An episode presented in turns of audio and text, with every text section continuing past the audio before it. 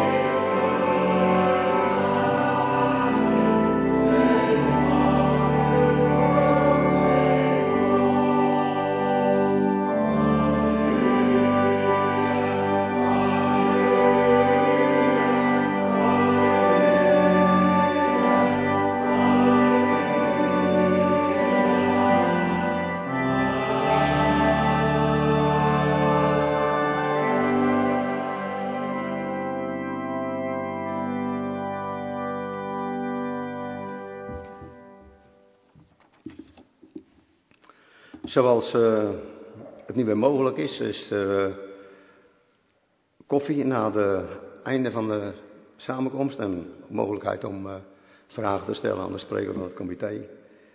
En ook een gezellig samen zijn. We houden wel een klein beetje rekening met een anderhalve meter afstand uiteraard. Um, bij de uitgang staat ook de doos voor de collecte. CD-opname kunt u ook bij mij bestellen. De boekentafel staat er weer. Ik wil nog wijzen op de website van de WWW Evangelisatie Zuid-Vlaanderen, waarop u uh, de voorgaande avonden allemaal nog kunt uh, beluisteren. De volgende Maranatha samenkomst, dat zal zijn over twee weken. En dan hoop dan broeder Walter Asselman hier te spreken. En ik stel voor dat we er nu met elkaar verder gaan, het programma. En dan... Uh, nog zingen met elkaar uh, uit de bundel Johannes de Heer 168, het eerste tot en met het vierde vers. Jezus, gij mijn kracht en leven. En daarna is het uh, woord aan broeder uh, Gerrit Koning. Een gezegende avond allemaal.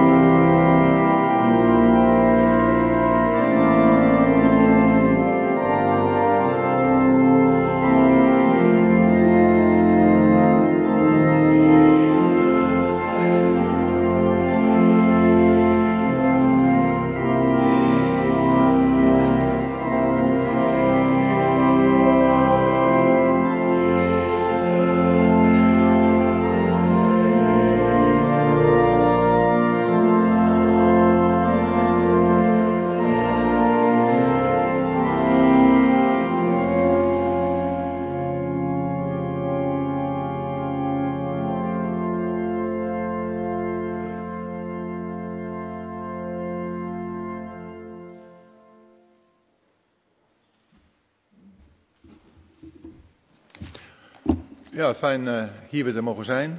En het eerste wat ik mag doen is het lied aankondigen. Al de weg leidt mij mijn heiland.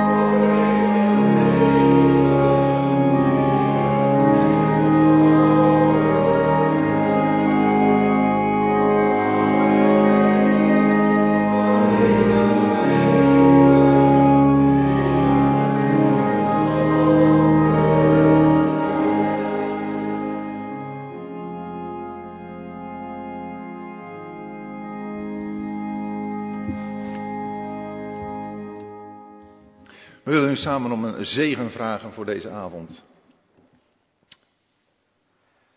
Onze God, wij willen u danken dat u ons de gelegenheid geeft om bij elkaar te komen, om uw woord te openen en daarna te luisteren. En we bidden dat het met een verlangend hart mag zijn om te horen wat u zegt en ook het verlangen om dat in de praktijk van ons leven toe te passen. Tot eer van uw naam en ook tot zegen om ons heen. Vader, willen u danken voor uw woord. Dat u ons als die gids voor ons levenspad hier op aarde gegeven hebt. Dank u wel voor uw geest, waardoor we ook uw woord kunnen begrijpen. Dank u wel bovenal voor de Heer Jezus die hier op aarde geweest is en als er een het is die het kon zingen, al de weg leidt mij, mijn God. Vader, dan is Hij het. En ja, we willen ook van Hem leren. Wilt u genade geven dat zo deze avond een uitwerking mag hebben die is tot eer van uw en ook zijn naam. Amen.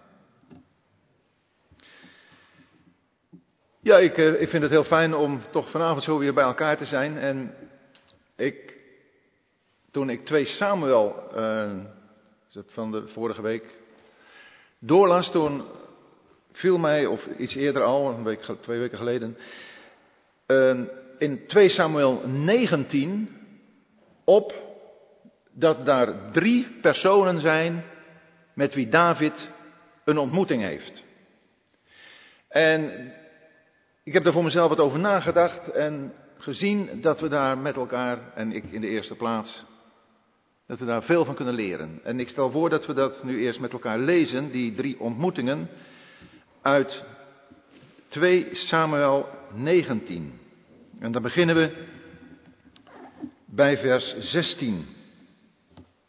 De eerste ontmoeting, die is met Simei, de zoon van Gera, een Benjaminiet die uit Bahurim kwam. En die kwam haastig met de mannen van Juda mee, koning David tegemoet. En duizend man uit Benjamin met hem, en ook Ziba, de knecht van het huis van Saul, met zijn vijftien zonen en zijn twintig dienaren met hem. Ze slaagden erin de Jordaan over te steken voor de koning er was. Toen de pont overvoer om het koningshuis te laten oversteken en om te doen wat goed was in zijn ogen, viel Simei, de zoon van Gera, voor de koning neer, terwijl deze de Jordaan overstak. Hij zei tegen de koning, laat mijn heer mij mijn misdaad niet toerekenen en niet denken aan hoe uw dienaar zich misdragen heeft op de dag waarop mijn heer de koning uit Jeruzalem vertrok. Laat de koning het niet ter harte nemen, want uw dienaar weet het zeker. Ik heb gezondigd. Maar zie, ik ben vandaag als eerste van het huis, van het hele huis van Jozef gekomen om mijn heer de koning tegemoet te gaan. Toen antwoordde Abisai, de zoon van Zeruja, en zei, zou Simei hiervoor niet gedood worden? Hij heeft immers de gezalfde van de Heere vervloekt. Maar David zei, wat heb ik met u te maken, zonen van Zeruja, dat u mij vandaag tot tegenstander bent? Zou er vandaag iemand in Israël gedood worden? Immers, weet ik niet dat ik vandaag weer koning geworden ben over Israël?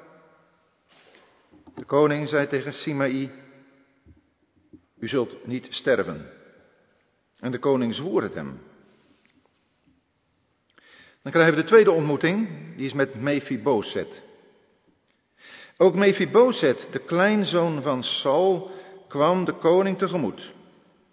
Hij had zijn voeten niet schoongemaakt, zijn baard en snor niet geschoren en zijn kleren niet gewassen.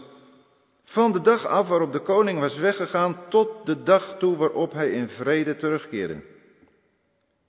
En het gebeurde toen hij in Jeruzalem de koning tegemoet kwam, dat de koning tegen hem zei, waarom bent u niet met mij meegegaan, Mephibozet? En hij zei, meneer koning, mijn dienaar heeft mij bedrogen, want uw dienaar zei, ik zal een ezel voor mij zadelen en daarop rijden en naar de koning trekken. Uw dienaar is immers kreupel. Bovendien heeft hij uw dienaar bij mijn heer de koning belasterd. Meneer de koning is echter als een engel van God. Doe maar wat goed is in uw ogen. Heel het huis van mijn vader was immers bij mijn heer de koning ten dode opgeschreven.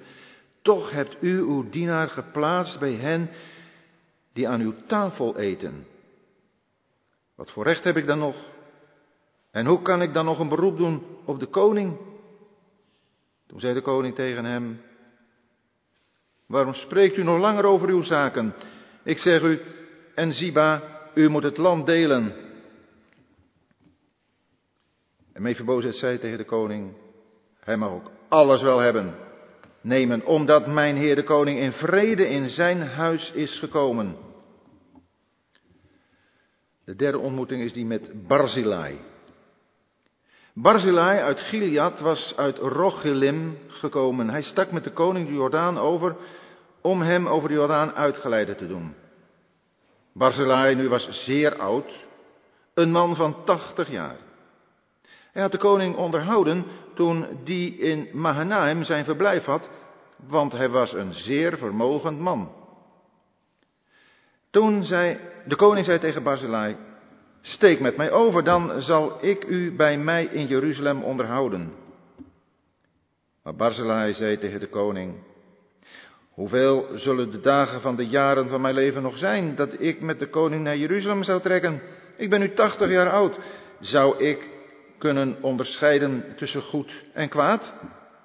Zou uw dienaar kunnen proeven wat ik eet en wat ik drink? Zou ik nog kunnen luisteren naar de stem van zangers en zangeressen? Waarom zou uw dienaar, mijn heer de koning, verder tot last zijn? Uw dienaar zal maar een eindje met de koning over de Jordaan gaan. Waarom zou de koning mij deze beloning geven? Laat uw dienaar toch terugkeren, zodat ik in mijn stad sterf, bij het graf van mijn vader en mijn moeder. Maar zie, hier is uw dienaar Gimham. Laat die met mijn heer de koning oversteken en doe hem wat goed is in uw ogen. Toen zei de koning, Gimham zal met mij oversteken en ik zal hem doen wat goed is in uw ogen. Ja, alles wat u van mij wenst, zal ik u doen. Toen al het volk de Jordaan was overgestoken en ook de koning was overgestoken, kuste de koning Barzilai en zegende hem. Zo keerde deze terug naar zijn woonplaats. De koning ging verder naar Gilgal en, nam, en Gimham ging met hem mee. Tot zover de lezing uit de schrift. We willen nu eerst nog zingen wat God in deze tijd zoekt.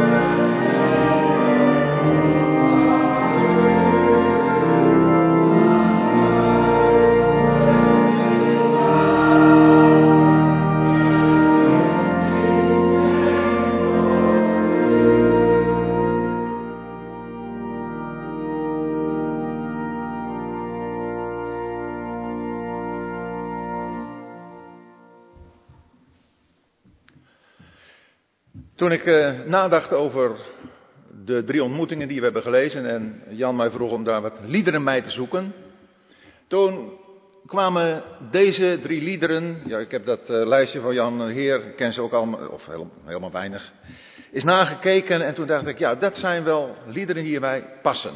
Dat lied van wat God in deze tijd zoekt, dat is jeugd. Die strijd vol vuur. Nou, dat zien we in Gimham. Dat is een jongeman die, en we zullen daar dadelijk nog even wat meer over zeggen, maar die David gaat volgen. We hebben ook gezongen in het eerste lied, en toen we het net zongen, toen viel me die, die laatste twee regels van dat eerste couplet op, dat je mag zeggen, en ik denk niet dat er iemand anders is die het beter kan zeggen dan David, dat je weet dat alles wat hier mij overkomen, God alle dingen wel maakt.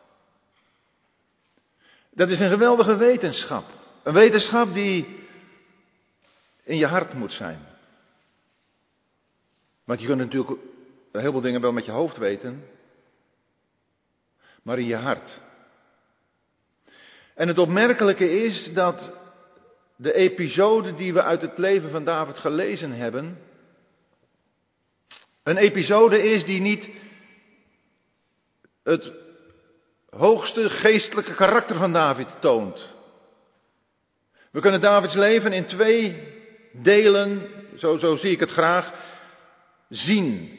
Een deel zoals we dat vinden beschreven in het eerste boek Samuel.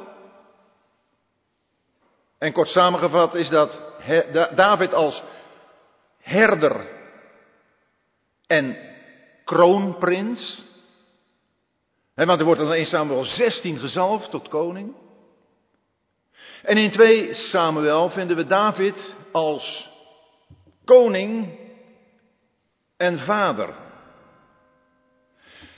En deze twee ja, Davinden, om zo te zeggen, zijn dezelfde persoon. Maar David heeft in zijn leven een enorme ontwikkeling doorgemaakt. En iemand heeft eens gezegd, David was gelukkiger toen hij als een veldhoen op de bergen werd nagejaagd door Saul, dan toen hij eenmaal gevestigd als koning op zijn troon zat, zijn vijanden had verslagen en er rust was in zijn koninkrijk. En ondanks het einde van David in die zin dat we zien dat David ook een falende man geweest is, als koning, maar vooral als vader, zien we in David dat hij door het dal heen weer omhoog naar God gaat.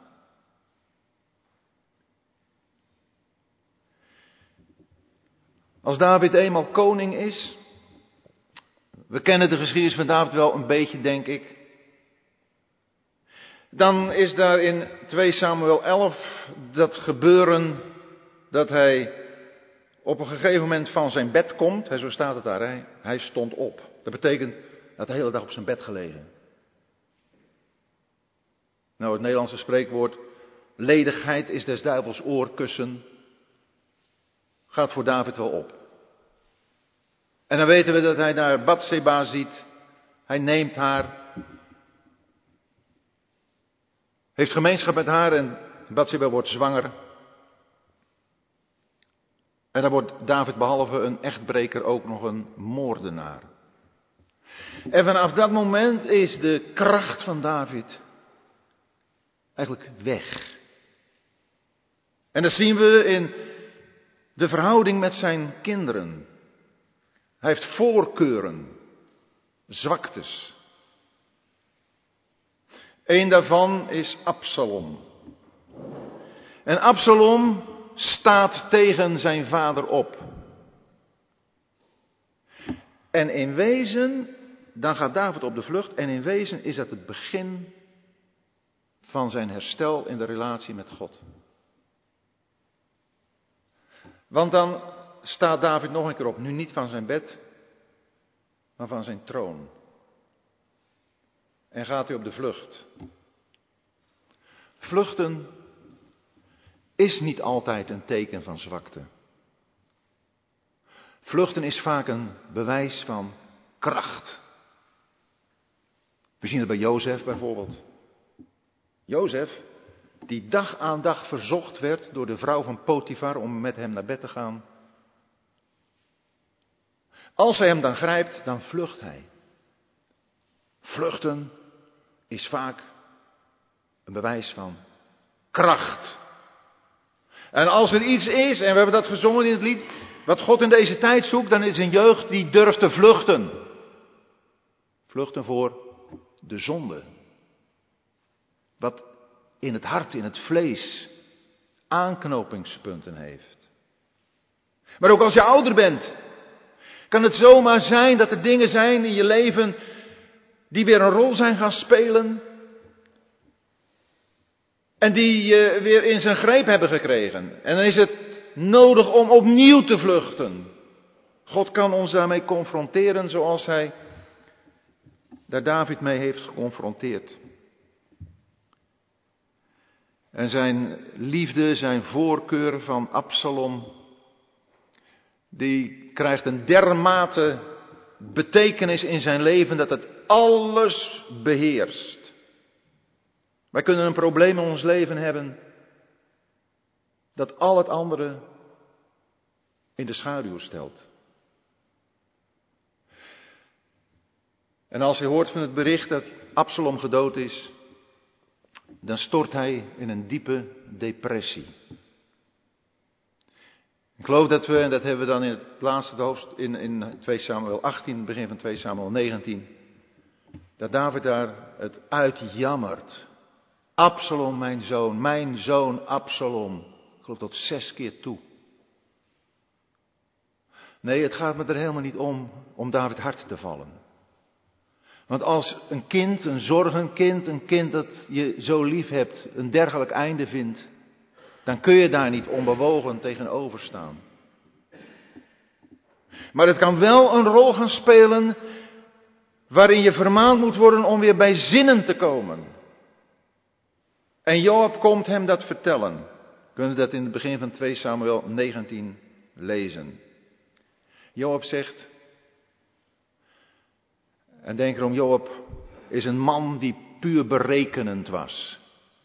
Job was geen geestelijk gezinde man. Job was alleen op eigen voordeel uit. Maar ook zulke soort mensen kunnen toch door God gebruikt worden om ons weer in de realiteit van het leven te plaatsen. Wij hoeven als iemand naar ons toe komt om ons op iets te wijzen, niet te zeggen oh joh, kijk naar jezelf. Dat doen we vaak. Of snel. Of misschien zeggen we het niet maar denken we het. En de boodschap die God voor ons door die persoon heeft, kan dan aan ons voorbij gaan. Maar Job zegt tegen David, David, je had het zeker liever gehad dat het hele volk omgekomen was, als je zoon Absalom maar gered zou zijn, behouden zou zijn, in leven zou zijn gebleven. En dan geeft hij David een bepaald advies. En dan zien we dat David terugkeert naar Jeruzalem. En onderweg naar Jeruzalem heeft hij dan deze drie ontmoetingen, waar ik even naar wil kijken. Ontmoetingen met een Simei, Mephibozet en Barzillai. Simei was een man die toen koning David op de vlucht ging voor Absalom, naar koning David toe ging met stenen en vervloekingen. En Abisai, over wie we hier ook gelezen hebben, die zei toen al, zal ik hem niet even een kopje klein, letterlijk een kopje kleiner maken? Nou, zei nee. David had dat al eerder gezegd tegen Abisai. Dat is wat we in 1 Samuel 3, 4, 24, 26 lezen, dat David de kans krijgt om Saul te doden En Abishai zegt, kom, dit is je kans. Als je nu Saul doodt, dan ben je van die aardsvijand af en zul je koning kunnen worden. David zegt nee. Mijn woorden gezegd is niet Gods tijd. Soms is het niet de tijd van God om op een, bepaalde, een bepaald voorstel te reageren. Maar dan zouden we het bij wijze van spreken zoals de Heer Jezus in de woestijn, toen de Satan bij hem kwam om te verzoeken, en hij de Heer voorstelde, als je neerknielt, krijg je het allemaal. Dan zouden we vooruitgrijpen op de tijd van God en Satan zou de overwinnaar zijn. En David heeft steeds geduld gehad, gewacht. Dit is de tweede keer dat hij, de, de derde keer zoals we gelezen hebben, dat hij aangespoord, aangezet wordt om nu deze Simei te doden. Eerst Saul, dan dus Simei, wanneer Simei achter hem aangaat, vloekend en met stenen gooiend. En nu hier weer, als Simei komt, ja waarom komt Simei naar de koning toe? Het gelezen dat dat is om genade te vragen. Hij vraagt in vers 19 van 2 Samuel 19, Laat mijn Heer mij mijn misdaad niet toerekenen. En niet denken aan hoe uw dienaar zich misdragen heeft op de dag waarop mijn Heer de koning uit Jeruzalem vertrok. Laat de koning het niet te harte nemen. Hij komt dus het ware met een verzoek om genade. Het is, denk ik, uit het vervolg duidelijk, want uiteindelijk wordt Simi wel gedood, maar door Salomo, ofwel door Benaja, maar wel op voorspraak van David. Denk erom, laat je hem niet gaan. Dus het is heel bedenkelijk. Als het gaat om de motieven waarmee Simei naar David toekomt, of dat oprechte motieven zijn. En toch, wat ik hiervan wil leren, is dat David niet op het, op de suggestie van Abisai ingaat, om Simei te doden, maar zegt in vers 22. Wat heb ik met u te maken, zonen van Zeruja, dat u mij vandaag tot tegenstander, letterlijk staat daar, tot Satan bent? Zou er vandaag iemand in Israël gedood worden? Immers weet ik. Weet ik niet dat ik vandaag weer koning geworden ben over Israël? Is ik een David die zich bewust is van genade. En die die genade ook aan Simei bewijst. En ik denk dat wij alleen in staat zijn om genade te bewijzen aan iemand die ons kwaad gedaan heeft. Als we zelf leven in het besef hoeveel genade ons bewezen is. Naar die mate zullen wij ook in staat zijn om anderen genade te bewijzen. Het gaat mij hier om David in het voorbeeld van iemand die zich realiseert, ik ben weer hersteld in mijn positie van koning, maar dat had ik helemaal niet verdiend. En nu, nu wil ik ook Simei genade bewijzen. Dat is een eerste les die ik, die wij moeten leren. Dat we alleen in staat zijn genade te bewijzen aan iemand die ons iets misdaan heeft. Als we zelf weten hoeveel genade ons bewezen is. Mephibozet, de tweede ontmoeting die David heeft is een bijzonder voorwerp van de genade van God. Ik wil graag een, paar dingen nog uit het leven van Mephibozet lezen. En het eerste is uit 2 Samuel 4. vers 4. Dat is een gemakkelijk te onthouden vers. 2 Samuel 4, vers 4. Dat staat midden in een beschrijving in, waarin Isbozet, de zoon van Saul, wordt vermoord. Maar dan lezen we in 2 Samuel 4, vers 4. Jonathan, het is de zoon van Saul, de hartsvriend van David. Jonathan, de zoon van Saul, had een zoon die aan beide voeten verlamd was. Hij was vijf jaar oud toen het bericht over Saul en Jonathan uit Jezreel kwam. Zijn voedster had hem opgepakt en was gevlucht. Maar toen ze haast op de vlucht sloeg, gebeurde het dat hij viel en kreupel werd. Zijn naam was Mephibozet. Moet je even, even voorstellen, hè? dat is een jonge, jongetje van vijf jaar. Ik zeg het even een beetje populair in de, in de manier waarop het vandaag toch regelmatig gebeurt. Zijn opvoeding wordt uitbesteed. dat, dat, vijfjarige jochie, dat, dat wordt aan een opvoedster gegeven. Hij mist de band met zijn moeder. De kostbaarste band voor een kind op aarde. Op die leeftijd hoort hij dat zijn vader en ook zijn opa gesneuveld zijn. Hij was vijf jaar oud, hebben we gelezen. Dan neemt die voedster hem op, vlucht. Waarom vlucht ze? Ja, misschien weet ze wel dat David koning wordt en ja, zij, zij is in het, bij het huis van Saul en wat heeft ze van David te verwachten? Ze ziet David als een, eh, een concurrent, die zal wel korte metten maken met het huis van Saul, waar zij ook toe behoort. Ze neemt het jochie op en ze gaat vluchten en ze laat hem vallen en de jongen die wordt kreupel aan beide voeten. Verlamd. Wat een tragiek. Het jochie kan er niets aan doen dat zijn opvoeding uitbesteed wordt. En ik verwijs om en even naar Johannes 10, waar de Heer Jezus spreekt over huurlingen. Huurlingen aan wie schapen zijn toevertrouwd om voor te zorgen. Wat zijn dat voor mensen? Zodra er gevaar komt, dan vluchten ze. Laten ze de schapen in de steek.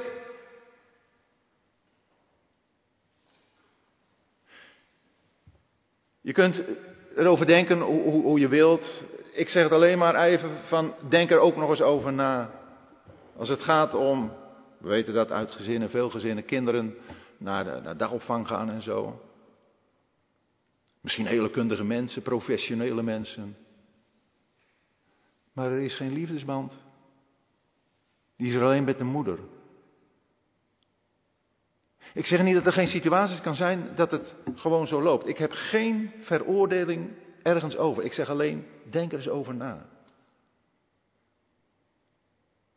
En ik ken de motieven, ik hoor ze. Maar ik leer uit deze geschiedenis hoe belangrijk het is dat een moeder, als ze kan, er voor haar kind is. Hij kan er niks aan doen. Dat zijn moeder de zorg voor hem uitbesteedt. En, en even los dan verder van de achtergrond, zo is de situatie. Hij kan er niets aan doen dat hij op vijfjarige leeftijd zijn vader verliest. Je groeit op en je hebt geen vader. Ook dat is vandaag de dag een enorm probleem. Ook dat is op zich niet te vervangen, maar je kunt er niets aan doen als je vader gestorven is. Daar kan hij niets aan doen.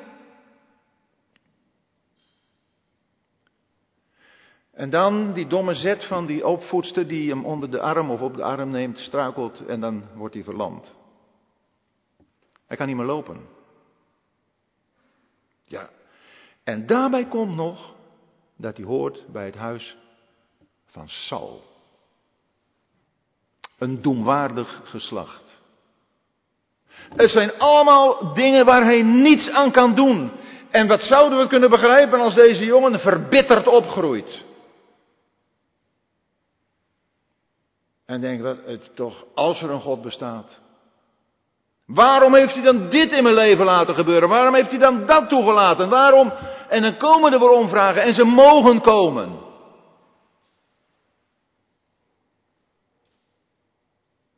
Maar in Bozes zien we een ontwikkeling die, in, waarin ik de, de, de genade van God bewonder, die er ook is voor ieder die een dergelijke, of misschien minder ernstige of ergere situatie kent vanuit zijn eigen verleden.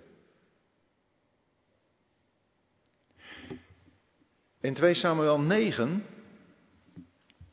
daar vinden we een, een volgende geschiedenis van Mephibozet. En dat is de bekende geschiedenis dat David in 2 Samuel 9 de vraag heeft of er nog iemand is die overgebleven is van het huis van Saul. En zegt David dan in vers 1 aan het eind, zodat ik hem goedertierenheid kan bewijzen omwille van Jonathan. Dit is het goede nieuws voor mensen die tot het geslacht van Saul behoren. Voor mensen die horen bij een, een geslacht waarop het oordeel van God rust. Er is iemand die goede tierenheid wil bewijzen. En, en dat is ja, een prachtig beeld van de Heer Jezus. We lezen in Titus 3 dat in de Heer Jezus de goedertierenheid en mensenliefde van God, onze heiland, verschenen is. David, de ware David, de Heer Jezus. Hij is op zoek. Hij is op zoek naar mensen die zich realiseren, die zich bewust zijn. Ik ben een kind van de dood. Maar als je gevonden bent door de Heer Jezus, dan wordt je leven aangeboden en krijg je het als je het aanvaardt.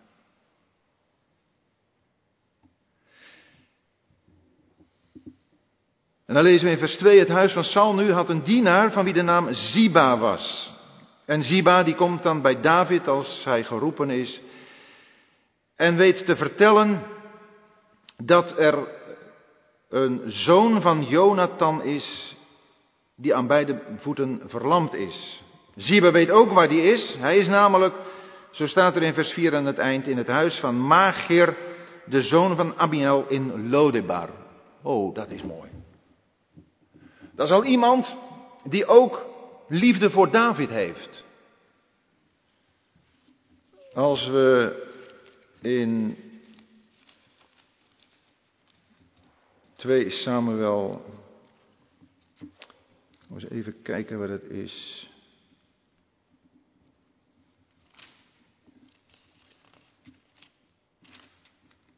Dan komen we, ja, in 2 Samuel 17 als dan David op de vlucht is, dan lezen we in vers 27 van 2 Samuel 17. En het gebeurde toen David in Mahanaim aangekomen was, dat Sobi, de zoon van Nahas, uit Rabba van de Ammonieten, en kijk, hier hebben we hem, en Magir, de zoon van Amiel uit Lodebar, en Barzillai, over wie we nog verder zullen horen, uit Gilead en wel uit Rogelim, bedden, schalen, aardewerk, tarwe, gerst, meel, geroosterd koren, bonen, linzen, ook geroosterd, honing, boter, kleinvee en kazen van koeienmelk bij David brachten en bij het volk dat bij hem was om te eten. Want ze zeiden, dit volk is hongerig, moe en dorstig in de woestijn. Magir was een van die mannen die, net als Barzillai en die anderen, David tegemoet zijn gegaan toen hij op de vlucht was. Niet terug naar Jeruzalem, maar weg uit Jeruzalem. En dan hebben ze hem een heleboel gegeven wat hij nodig had en ook het volk was. Dat was Magier. En in het huis van deze Magier, daar was Mephibozet opgenomen. Dat moet een weldaad voor de jongen geweest zijn. Iemand die David lief had. En Ziba, die wist dat te vertellen aan David. En dan laat David Mephibozet komen. In 2 Samuel 9, vers 5, toen stuurde koning David boden en liet hem uit het huis van Magir halen, de zoon van Amiel uit Lodebar. Toen Mephibozet, de zoon van Jonathan, de zoon van Saul, bij David binnenkwam, wierp hij zich met zijn gezicht ter aarde en boog zich neer. David zei, Mephibozet. Oh, dit, is, mooi hoor. Mephibozet, die mocht de indruk hebben dat ja, David het hele huis van Saul zou moeten uitroeien. En daar was hij één van.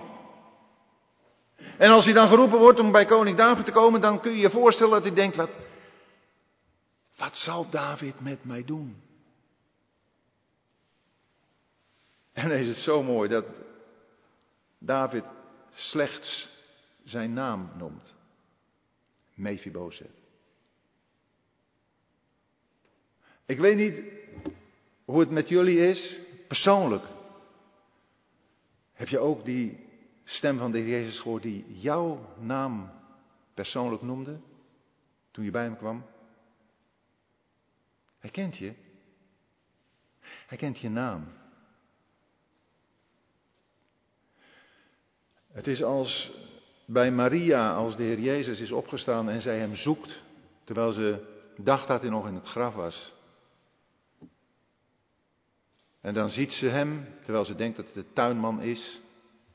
En ze vraagt, waar hebt u hem gelegd? En dan zegt de Heer Jezus, alleen dit. Maria. Wat is dat mooi. Hij kent je naam. De goede herder kent zijn schapen bij namen.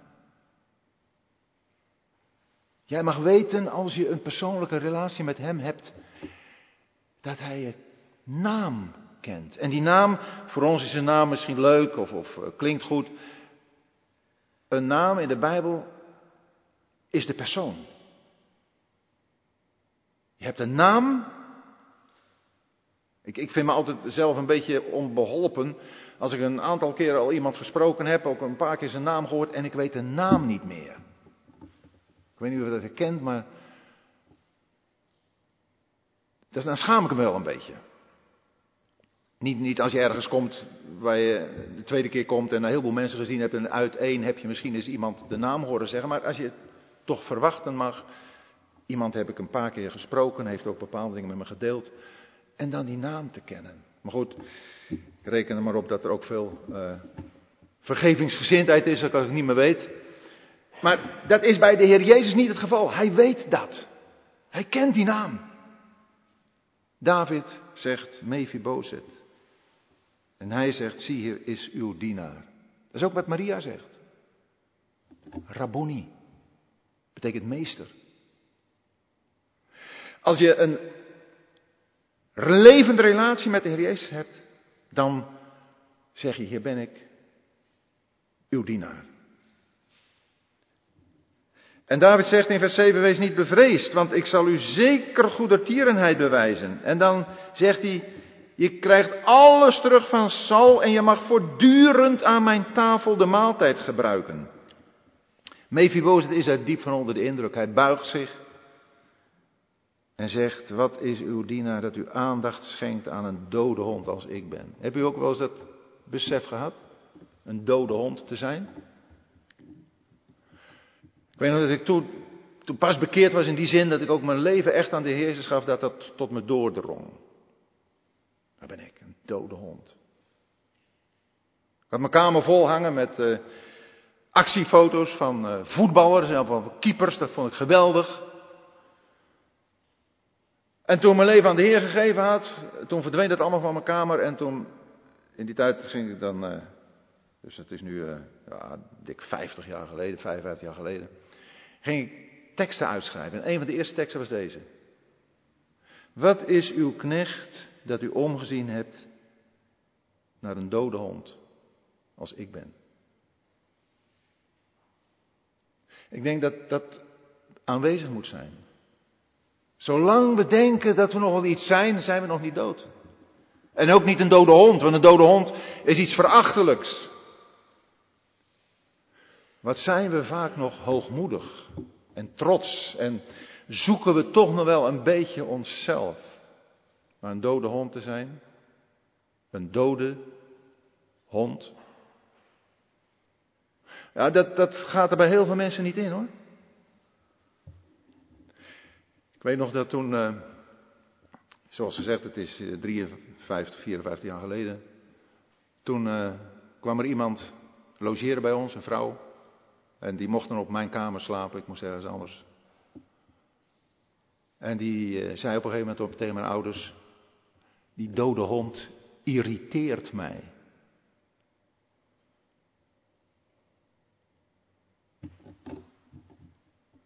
Deze vrouw is later in zonde gevallen. Ik zeg niet dat het daarmee te maken heeft, maar ik stel vast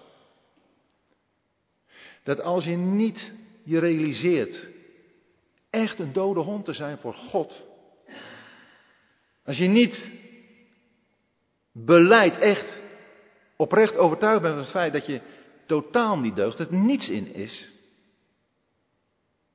dan kan het nodig moeten zijn om een ernstige les te leren.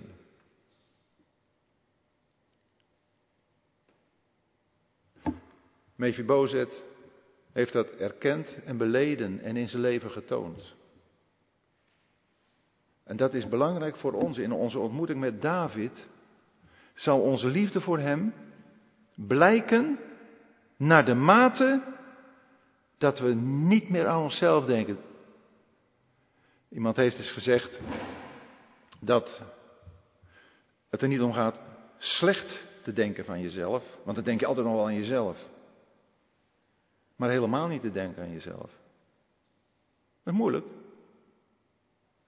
Maar wat, wat is er voor, voor moois, fraais om te denken aan een dode hond?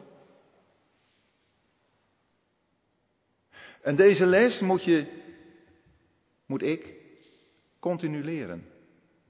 Dat is niet alleen maar als je jong in het geloof bent, maar het moet voortdurend door mij geleerd worden. Heb ik mijn lessen voor nodig. Hebben we allemaal onze lessen voor nodig. En dat is niet, niet hard, dat is nuttig. Dat is nodig. Wil je een leven van toewijding aan de Heer Jezus gaan leven? En dat zie je bij Mephibozet.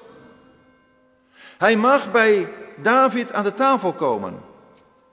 En als David dan gevlucht is, dan heb je een nieuwe ontmoeting tussen Mephibozet en David. En hoe vinden we Mephibozet dan? Ik heb al gezegd, David is niet overal een beeld van de Heer Jezus. Dat is ook niet in deze ontmoeting die hij met Mephibozet heeft als hij op weg is naar Jeruzalem. Daar is een geestelijke kracht of wat verdwenen. En dat beluister je ook in het gesprek dat hij met Mephibozet heeft. Maar waar het om gaat is die houding van Mephibozet. Mephibozet, die gaat David tegemoet. En dan lezen we, hebben we gelezen in vers 24 van 2 Samuel 19. Hij had zijn voeten niet schoongemaakt, zijn baard en snor niet geschoren en zijn kleren niet gewassen. Van de dag af waarop de koning was weggegaan tot de dag toe waarop hij in vrede terugkeerde. Dit was toekomstverwachting verbonden met zijn weldoener. Hij had zijn hele hart aan David verbonden. En toen David weg was. Ja, het is net als met Maria, toen had het leven voor hem geen zin. Dat we zeggen, hij leefde niet meer voor dit leven. Zijn persoonlijke verzorging, daar zie je het aan. En dat zien we vandaag de dag ook, hè? En dat is wat we in Romeinen 13 lezen. Verzorgt het vlees niet om aan begeerten te voldoen, staat er in Romeinen 13 aan het eind. En dat staat in verbinding met de nacht is ver gevorderd, de dag is nabij. Wij zijn ons steeds meer thuis gaan voelen in deze wereld en we voelen niet meer de afwezigheid van de Heer Jezus. Want oh, het leven is zo aangenaam. En ik zeg het niet tegen jullie, ik zeg het tegen mezelf. Maar je merkt het gewoon. Hoe je ingepakt kunt worden. En hoe je telkens weer nodig hebt te denken aan Hem die mij lief heeft. En dan ga je je toch niet meer zo druk maken om al die uiterlijke dingen. Ik zeg niet dat je niet persoonlijke verzorging nodig hebt. Het gaat me om het beeld dat hier in Mephibosheth zichtbaar wordt. Waar zijn wij in ons leven op gericht? Nee, niet waar, maar op wie zijn wij in ons leven gericht? Dat maakt het hele verschil tussen of je uitziet naar de komst van de Heer Jezus, of dat je denkt van, nou, de tijd duurt nog wel even, ik maak het me hier gemoedelijk. In het boek Openbaring lees je van uh, mensen die op de aarde wonen. Verschillende keren komt die uitdrukking voor. Meerdere keren. En dat zijn die mensen die hun ziel en zaligheid verbonden hebben aan dit leven op aarde. Die houden helemaal geen rekening met de komst van Christus. En zelfs als al die inleidende oordelen komen in de boek Openbaring, dan nog, dan kauwen ze hun tongen wel van pijn, maar ze lasteren de God van de hemel, die deze plagen brengt. Nou, er gaan heel wat plagen over de wereld vandaag de dag. Een pandemie, overstromingen, moorden. Wat een burenruzies. Wat een ruzies in gemeenten. Wat een ellende in families. De schepping van God, man en vrouw die verwoest wordt. Ja, het is gewoon, zijn, zijn plagen, rampen. Maar wij mogen weten dat het tekenen, wonderen van God zijn die wijzen op de spoedige komst van de Heer Jezus. Het is net als met de uittocht uit Egypte kwam er ook enorme plagen over Egypte. Al zulke plagen zoals ze nu hebben. Roepstem van God. En voor het volk Israël waren het wondertekenen. De bevrijding is dichtbij. De Heer Jezus komt spoedig. En als we ons dat realiseren, dan maken we ons toch niet meer zo druk om zoveel dingen. En weet wel, als je jong bent, dan, dan heb je gewoon bepaalde idealen. Dat is helemaal niet erg, dat is ook goed. Als je wat ouder wordt, dan verdwijnt het allemaal een beetje meer. En dat hoort er dan ook weer bij. En hoeven we niet te kijken naar jonge mensen die dat wel doen. Want jongens, meisjes, er zijn nog gewoon genoeg dingen die kunnen, die mogen, waar je van mag genieten. Die op oudere leeftijd gewoon niet meer zo nodig zijn. Mephibozet, die heeft zijn weldoener terug. En dat David hier niet op het hoogte, de hoogte, de geestelijke hoogte is, zoals je dat in het eerste boek Samuel hebt, dat blijkt uit de manier waarop hij met Mephibozet communiceert. Een beetje verwijtend klinkt het. Mephibozet, waar was je nou toen ik wegging? Toen heb je... Mephibozet zegt, ach, uw knecht Siba, die heeft het verkeerd voorgesteld. Ik had het wel gewild, maar kon niet. Hij beschuldigt David niet eens van een verkeerde beoordeling. Oh ja, ja, ja goed, zei David. Nou, weet je wat? Uh, Ziba en, en, en jij mee voor je mogen, het, je mogen het bezit van Saul delen. Dan heb je nog 50% dan. En dan die gezindheid van Mephibozet. Hij zegt, joh, Ziba mag het allemaal hebben. Hij mag het allemaal hebben. Want u, David, u bent teruggekeerd. Dat is wat mijn hart verheugt. En ik denk dat alles wat ons kan ontvallen, wat kan van ons kan worden afgenomen, dat we dat kunnen verdragen. En niet alleen maar van, nou ja, het kan ook niet anders, het is beter om het te verdragen, maar zoals Paulus dat zegt, ik, ik heb het met vreugde.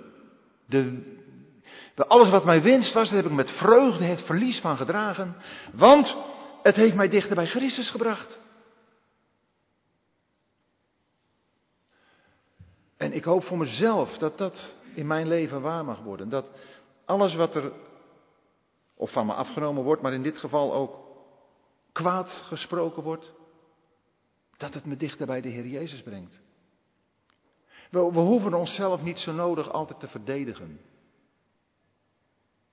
Als het gaat in de eerste plaats om onze relatie met de Heer Jezus, dan kunnen we zoveel incasseren. Dan zal het ook niet die pijn veroorzaken die de vijand wil, de Satan, dat die bij ons veroorzaakt wordt. Dan geven we daar de kans niet voor. Zoals Mephibozet het zegt in vers 30. En Mephibozet zei tegen de koning, hij mag ook alles wel nemen, omdat mijn heer de koning in vrede in zijn huis is gekomen. Tjonge. Ja, daar moet je toch, daar moet je toch geestelijke oefening voor doormaken. Maar, maar dat, dat lezen we hier. Daar worden we in geoefend. Ieder van ons in onze eigen omstandigheden. Dat kun je niet voor elkaar bepalen. Daar heeft de Heer voor ieder van ons een persoonlijk programma voor. Zelfs als je getrouwd bent, kan dat programma er voor mij anders uitzien dan voor mijn vrouw. Dan ga je er wel nauw samen doorheen. Maar omdat we verschillende personen zijn, heeft de Heer met mij andere dingen te bespreken, andere dingen te vormen dan bij mijn vrouw. We zijn allemaal zo uniek. En God heeft allemaal heeft een, een plan voor ieder van ons persoonlijk, waardoor we en in ons huwelijk en in ons gezin, maar ook als, als gemeente steeds meer elkaar gaan waarderen naar de waardering die God voor ons heeft. En zo is hij met ons bezig. En dat zien we ook in Barzilai. Weer een hele andere persoon. Hij is, uh, we hebben al over hem gelezen in, in 2 Samuel 17, eh, meen ik. En Barzilai, die uh, gaat samen met de koning de Jordaan over. En dan staat er van hem dat hij zeer oud was, een man van 80 jaar. Er zitten de die zijn nog ouder. Caleb was 85. Mozes was 120. In de samenkomst de, waar we waren deze dag, daar werd gesproken over Abraham. Die was 75 toen hij de opdracht kreeg om zijn land te verlaten. Dus daar gaat het helemaal niet om. Dat je niet op hoge leeftijd nog krachtig kunt zijn en ook dingen kunt doen.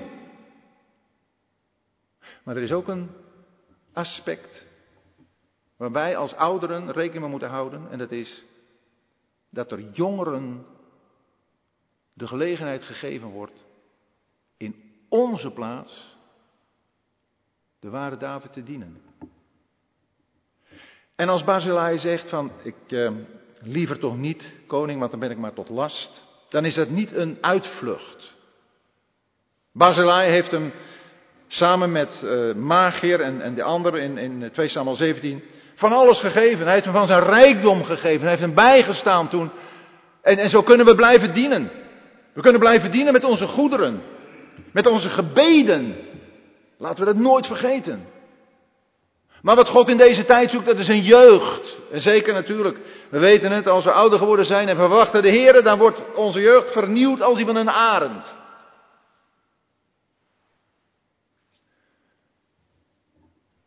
En als we dat gezongen hebben, dat God in deze tijd zoekt, dan zien we dat er weinig jongeren zijn die dat doen.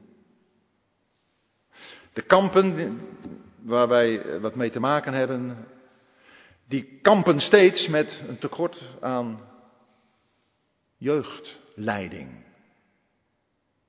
Jongeren hebben het vandaag zo druk. Waarmee? Waar zijn ze? En het is helemaal geen beschuldiging, want ik uh, mag zelf niet vergeten dat ik ook jong geweest ben en andere dingen gedaan heb. Maar er moet wel een tijd komen dat jonge mensen het stokje overnemen. En wat is dan mooi als iedere oudere, zoals, Gim, eh, zoals eh, Barzilai, een gimham naar voren kan schuiven. Ik weet niet of Gimham een zoon van hem was, of een knecht. Maar hij, Gimham, mag mee omdat Barzilai terugtrekt. En dat is ook een aspect in de ontmoeting met David. We worden getest allemaal. Ouderen en jongeren. Dat lied dat we zongen, al de weg leidt mij mijn heiland. Wat verlangt mijn ziel nog meer? Dat kunnen we op elke, in, in elke levensfase van ons leven zingen. Maar elke levensfase brengt weer andere oefeningen met zich mee, andere um, mogelijkheden om de Heer te dienen, maar ook op een bepaald moment dat je zegt, en nu, jonge mensen, jullie. Niet zomaar ineens plotsklaps. Er is voorbereiding voor nodig. Maar ik denk ook dat Barzilai Gimham daarop heeft voorbereid. Die jongen die zal niet gezegd hebben, ja maar wat, wat, wat vraag je nou van me? Zegt dat, de, ik denk dat Barzilai hem goed betrokken heeft. Ook in zijn eerdere ontmoeting met David. Om hem spullen te brengen. We horen ook helemaal geen woord van Gimham dat hij tegensputtert. En we zien dat David het accepteert. En dat David Gimham zal doen naar alles wat u, Barzilai, van mij wenst. En dat vind ik het geweldige voorrecht van als je wat ouder geworden bent, dat je mag bidden. Bidden dat er jonge mensen zullen zijn die de opengevallen plaatsen, of de plaatsen waarin ouderen zich wat terugtrekken, gaan innemen. En dat kunnen we allemaal. Bidden daarvoor. En dan gaat de Heer, ook in deze tijd nog, jonge mensen bewerken. Dat zij komen ook op een punt tot een beslissing. Dan zeggen ja, het kost veel. Maar je krijgt er zo ontzettend veel meer voor terug. En ik hoop dat we allemaal, jongeren en ouderen, van deze drie ontmoetingen willen leren. Om ons leven helemaal aan David te wijden.